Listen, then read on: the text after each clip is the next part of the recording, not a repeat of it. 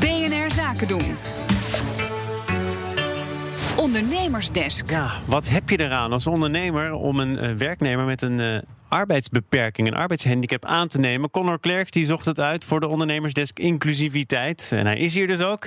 Bedrijven, dat is uh, geen nieuws, die kampen met personeelstekorten. Uh, betekent dat ook dat ze uh, vaker hier naar kijken, naar mensen met een arbeidshandicap? Is dat de oplossing? Nou ja, het zou kunnen. Bedrijven die moeten gewoon creatiever worden in het werven van personeel. Joad Kamkami, hij is oprichter van het reïntegratiebedrijf Particibaan, ziet dat bedrijven daardoor inderdaad vaker bereid zijn om mensen met een arbeidsbeperking aan te nemen. Wat je merkt is dat um uh, bedrijven steeds minder gemakkelijk invulling kunnen geven aan hun vacatures. Waardoor ze in ieder geval ook moeten kijken naar andere oplossingen. En wat we zien is dat uh, bedrijven steeds meer uh, mensen met een arbeidsbeperking een kans geven.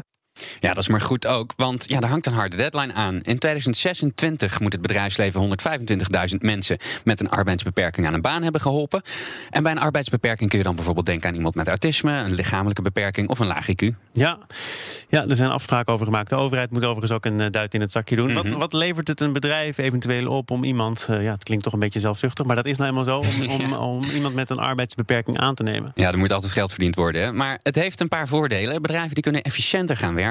Want bepaalde taken waar andere medewerkers niet aan toekomen en waar iemand met een arbeidsbeperking de juiste kwaliteiten voor heeft, die kunnen worden overgedragen. En de werkvloer die wordt natuurlijk ook diverser. En volgens Joad is er nog een hele goede reden om iemand met een arbeidsbeperking in dienst te nemen. Wat je ook ziet is dat uh, uh, het ziekteverzuim van de organisatie ook uh, een stuk laag kan zijn, gezien het feit dat mensen met een arbeidsbeperking zich veel minder ziek melden ten opzichte van een reguliere medewerker. En dat heeft primair te maken met de arbeidsethos van mensen met een arbeidsbeperking. Want die zijn altijd heel blij dat ze een kans krijgen. En daardoor zetten, zich, zetten ze zich dubbel zo hard in. Ja, maar je moet uh, waarschijnlijk ook wel nadenken over welke functie dan voor wie geschikt is. Ja, precies. Ja, het hangt allemaal af van de situatie hè? en de beperking natuurlijk. Maar soms is het ook beter dus om een baan te creëren. Jobcarving noemen ze dat. Kijken naar wat iemand kan en op basis daarvan een nieuwe baan maken.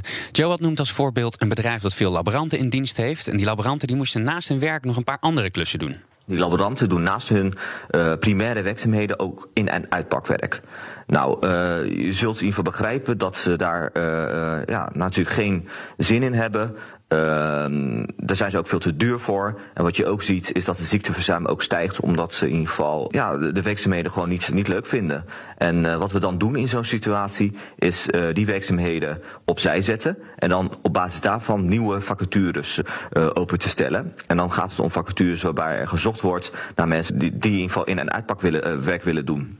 En uh, daar zoeken we dus mensen voor met een uh, arbeidsbeperking. En we kijken ja, welke kandidaten met een arbeidsbeperking daar goed in zijn. En uh, in dit geval zijn dat bijvoorbeeld kandidaten met autisme. Want die kunnen heel goed geconcentreerd werken, waardoor ze ook veel optimaler kunnen presteren. En zo klinkt het alsof iedereen daar gelukkig mee kan worden. Ja. Maar ja, Wendy, het valt niet altijd mee. Om nee, überhaupt... wij hebben toevallig bij V-People ook iemand met autisme aangenomen. Maar bijvoorbeeld iets wat dan onderschat wordt, is dat de jongen niet zomaar met de bus of de trein naar ons toe kon komen. He, dus er, zitten wel, er, er wordt toch nog wel een hoop begeleiding ook van de werkgever uh, verwacht. En dat maakt het soms wel complex, ondanks dat je graag wil. Ja, want Connor, dat blijkt ook. Er zijn werkgevers die het. Uh, onderschatten. Ja, dat klopt. Soms wordt er gewoon verwacht dat een arbeidsbeperkte bijvoorbeeld die jaren niet gewerkt heeft, ineens iedere dag uh, stipt om half negen op kantoor kan zijn. Terwijl dat kan al een hele grote stap zijn voor mensen.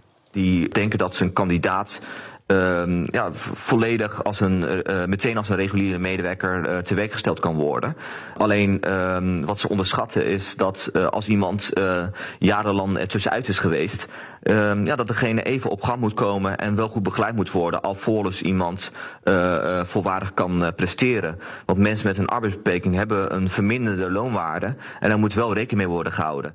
Ja, het klinkt als een heleboel werk, hè? Nieuwe baan creëren en dan ook nog een medewerker gaan begeleiden. Maar volgens Joad is het allemaal best te overzien. Feitelijk uh, valt het echt reuze mee. En dat heeft te maken met het feit dat in ieder geval de jobcarving, dat gebeurt door een integratiebureau of een gemeente of het UWV. Ze hebben in ieder geval specialisten in dienst die in ieder geval uh, bedrijven hierin, hierbij kunnen helpen. En daarnaast is het zo, de begeleiding die komt primair vanuit een jobcoach. En die um, is ook al extern. En die wordt in ieder geval kosteloos eigenlijk uh, toegewezen aan een kandidaat uh, bij een organisatie. Je hoorde Joat Kamkami en uh, Conor Klerks natuurlijk, die hier morgen ook weer is. Waar ja, gaat het dan over? zeker. Morgen gaan we het hebben over rijden op zaagsel. Want dankzij een Twentse innovatie is dat voor het eerst commercieel uh, viable. Jammer dat dat pas morgen is. Kan niet wachten. Tot dan. Ondernemersdesk Inclusiviteit wordt mede mogelijk gemaakt door Verderkijkers. Een initiatief van het ministerie van Sociale Zaken en Werkgelegenheid.